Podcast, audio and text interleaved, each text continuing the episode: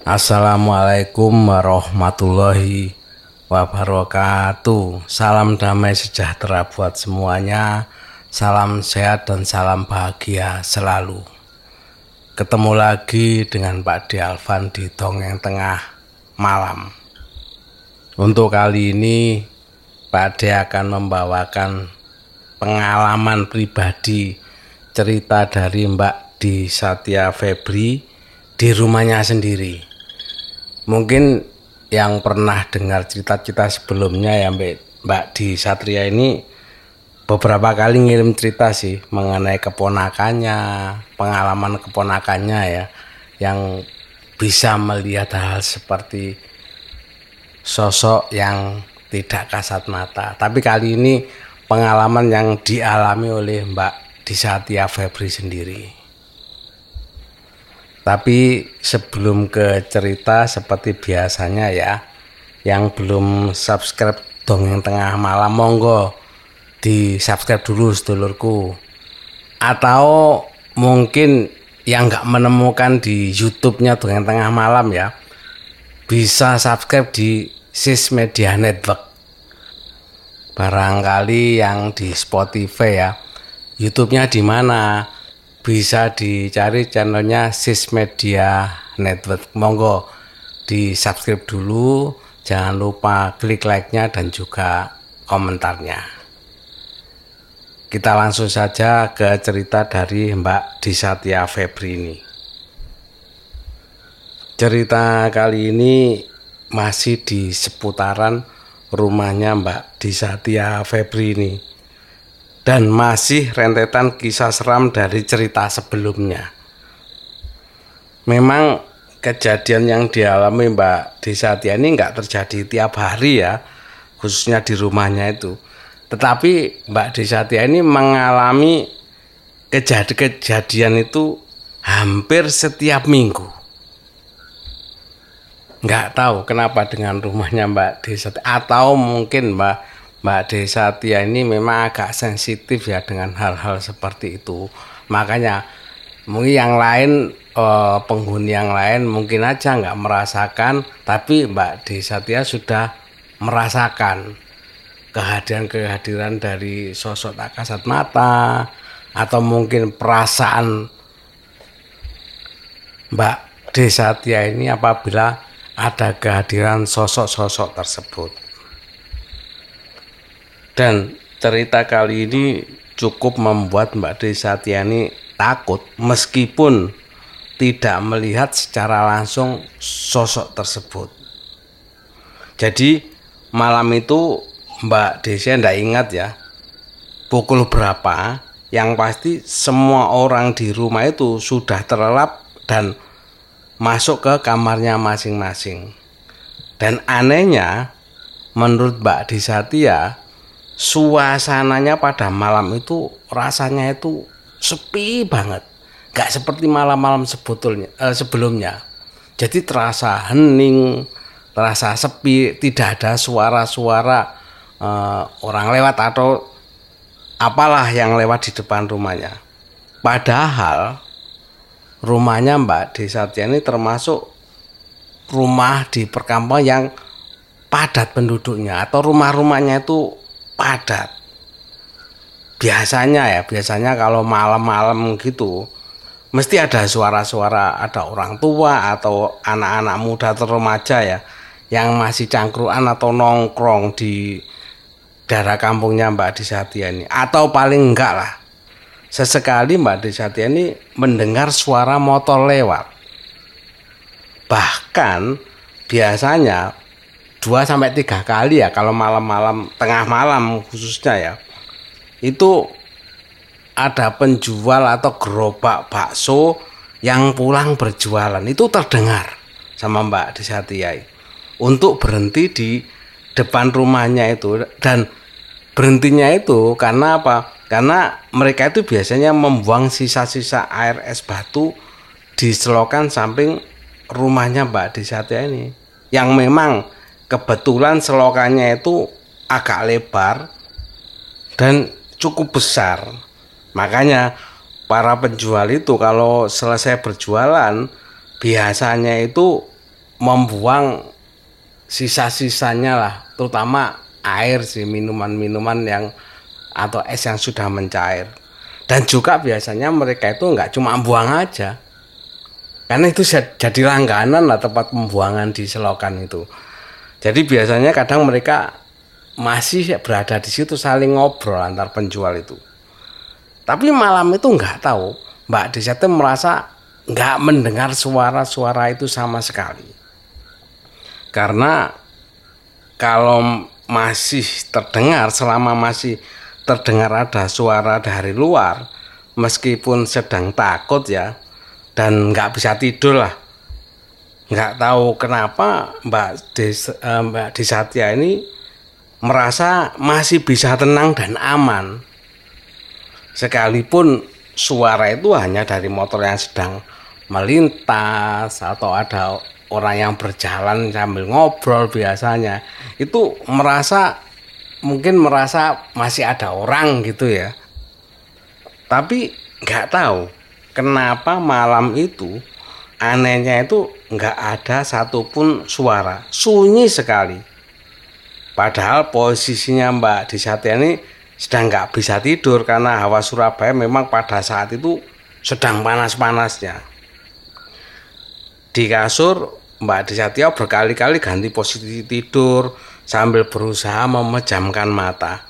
Tapi tetap aja masih nggak bisa tidur. Meskipun ada kipas angin ya tetap saja udaranya yang dirasakan itu atau hembusan dari kipas angin itu masih terasa panas itulah sebabnya beberapa hari itu Mbak Desatya selalu tidur dalam keadaan pintu kamar dibiarkan terbuka apalagi karena tepat sejajar pintu kamarnya itu ya tepat sejajar dengan jendela tengah ruang atau lantai atas.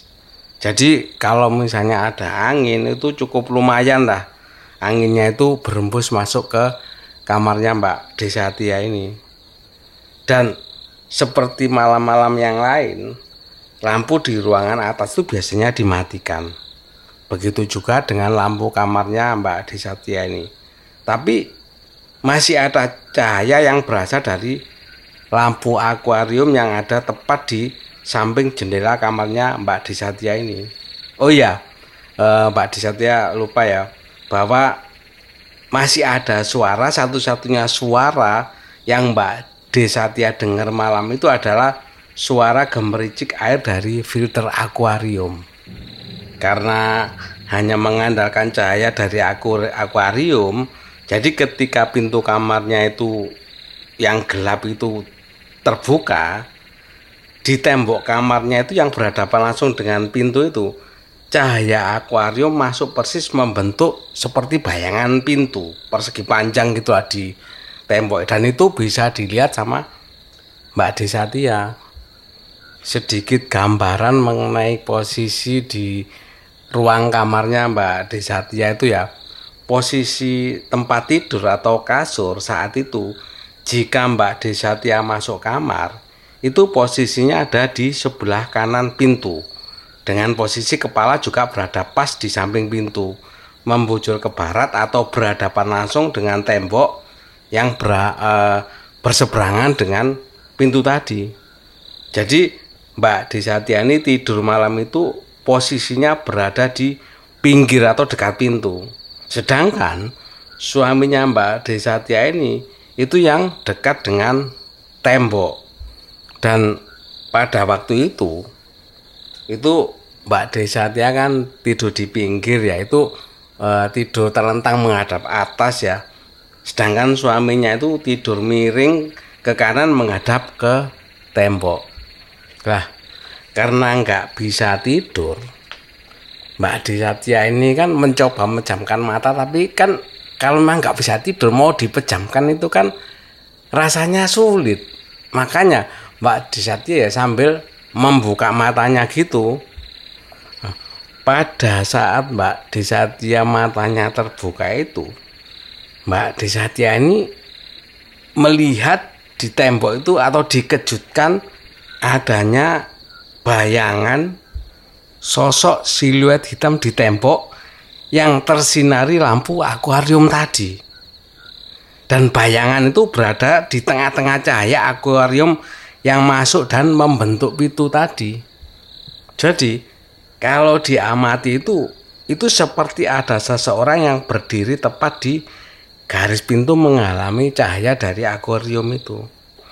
Gampangannya itu ya, seperti logo siluet di film 007 atau James Bond itu ya biasa di awal pembukaan mau film James Bond itu itu seperti itu ada bayangan hitam seperti itu tampak jelas sekali siluet bayangan itu seperti uh, dalam film James Bond kira-kira seperti itulah kalau digambarkan. Dan bayangan itu seperti orang berdiri diem saja. Kakinya sedikit terbuka kalau orang Jawa bilang itu megagah ya kan dan tangannya itu posisi biasa aja. Kalau Mbak Disatia gambarkan itu ya seperti kalau kita menonton film koboi jadi sosok bayangan itu berdiri mirip seorang koboi yang sedang bersiap mengambil ancang-ancang untuk menembakkan pistolnya yang masih diletakkan di pinggangnya itu. Bisa dibayangkan ya.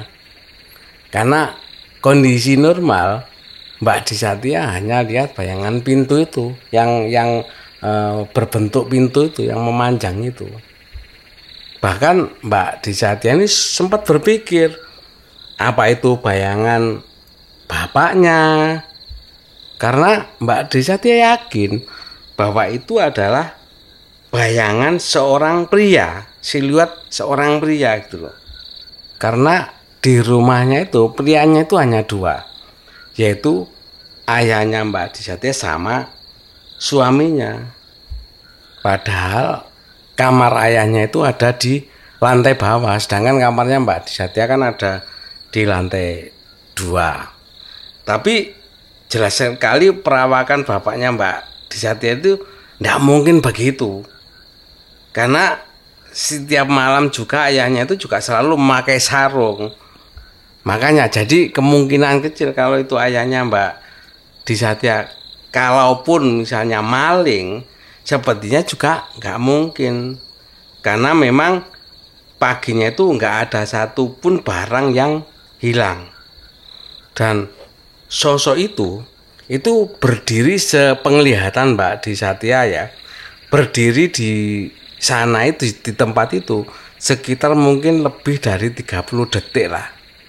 Sebelum karena Mbak Desatya merasa takut ya akhirnya Mbak Desatya ini merubah posisi tidurnya menghadap ke punggung suaminya dan nggak lagi berani membuka mata seperti sebelumnya tetapi walaupun Mbak Desatyani mencoba untuk tidak melihat ke arah tersebut dan memunggungi ya bayangan tersebut yang terjadi sungguh benar-benar nggak disangka sama Mbak Desatia ini. Jadi pada saat memunggungi bayangan ini, Mbak Desatia itu malah merasakan sisi celah kasur belakang eh, dari punggungnya Mbak Desatia ini itu seperti ada yang memijak atau dipijak sama seseorang. Dan itu Mbak Desatia itu sangat terasa sekali bahwa seperti ada yang naik dan berhenti beberapa detik sebelum akhirnya pijakan itu berpindah ke atas antara kepalanya Mbak Disatia dan suaminya ini. Bayangkan ya apa yang dirasakan Mbak Disatia pada saat itu. Dan juga nggak sampai di situ saja. Jadi pada waktu kakinya itu berada di antara kepalanya Mbak Desati dan suaminya itu itu di situ sepertinya eh, sos tidak tahu sosok atau apa yang menurut Mbak Desatia itu. Itu berhenti sebentar. Jadi seperti ada yang menginjak gitu ya itu berhenti sebentar beberapa detik lah. Kemudian nggak lama berpindah lagi. Dan kali ini yang dirasakan Mbak Desati ya kasur yang dipijak itu itu di depan perutnya suaminya Mbak Disatya ini. Bayangkan ya, bahkan Mbak Disatya ini sampai sekarang ini masih merinding kalau mengingat kejadian eh, pada malam itu. Selanjutnya, Mbak Disatya nggak ingat entah berapa lama sosok itu berhenti di depan eh, perut suaminya itu. Mungkin ya pikir Mbak Disatya pada waktu itu eh, dianggapnya mungkin Mbak Disatya akan menyerah karena penasaran untuk supaya mungkin melihat sosok itu ya. Tapi ternyata Mbak Desatya masih tetap bertahan.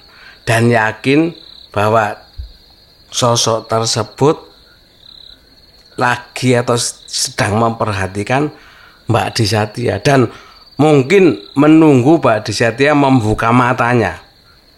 Karena mungkin sosok itu tahu bahwa uh, Mbak Desatya ini masih belum tidur masih terjaga dan Mbak Desatya masih kekeh tetap uh, berusaha jangan sampai Mbak Desa itu ini mem, penasaran dan membuka matanya untuk melihat seperti apa dari sosok tersebut.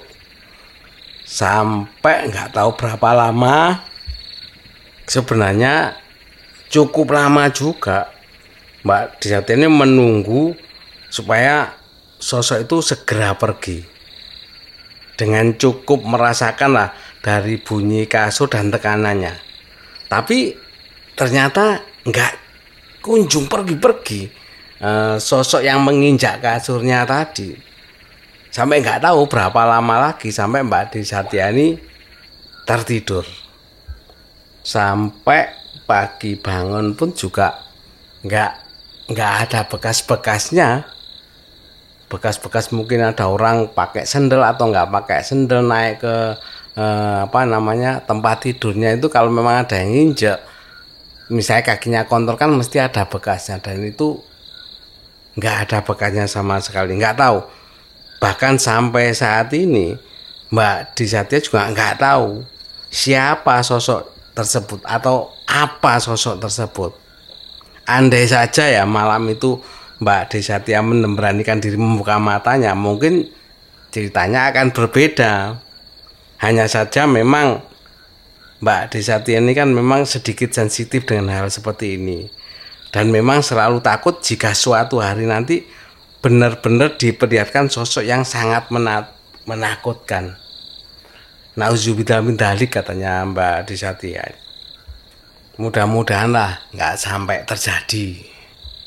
Itu tadi pengalaman eh, terintip terintimidasi semalaman ya dengan sosok yang tidak diketahui. Karena memang kalau nggak tahu itu memang jadi penasaran. Tapi seandainya tahu, nggak tahu bisa jadi bumerang atau bisa jadi hilang penasarannya.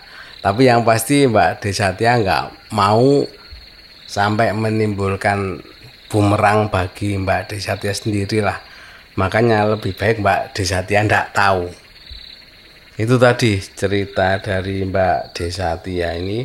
Bahkan buat Mbak Desatia ini masih ada untuk rentetan cerita seramnya. Sebelum akhirnya eh, beliau ini minta tolong teman suaminya untuk diusirkan. Gangguan-gangguan, mungkin sosok-sosok yang ada di rumahnya ini. Itu tadi cerita dari Mbak Desatia Febri ya. Terima kasih Mbak Desati atas kiriman ceritanya. Ditunggu eh, pengalaman-pengalaman berikutnya ya. Nanti segera akan dibawakan sama Pak D. Dan juga tidak lupa saya sampaikan terima kasih kepada sedulurku semuanya yang mendengarkan dari awal sampai terakhir cerita dari pengalaman Mbak Desatia ini ya. Mudah-mudahan sedulurku bisa terhibur dengan cerita dari Mbak Desatia ini. Dan juga apabila ada sedulurku yang uh, mau berbagi pengalaman, uh, bisa kirim ceritanya ya melalui atau via email ya. Emailnya dongeng tengah malam at gmail.com. Monggo bisa dikirimkan di alamat email tersebut.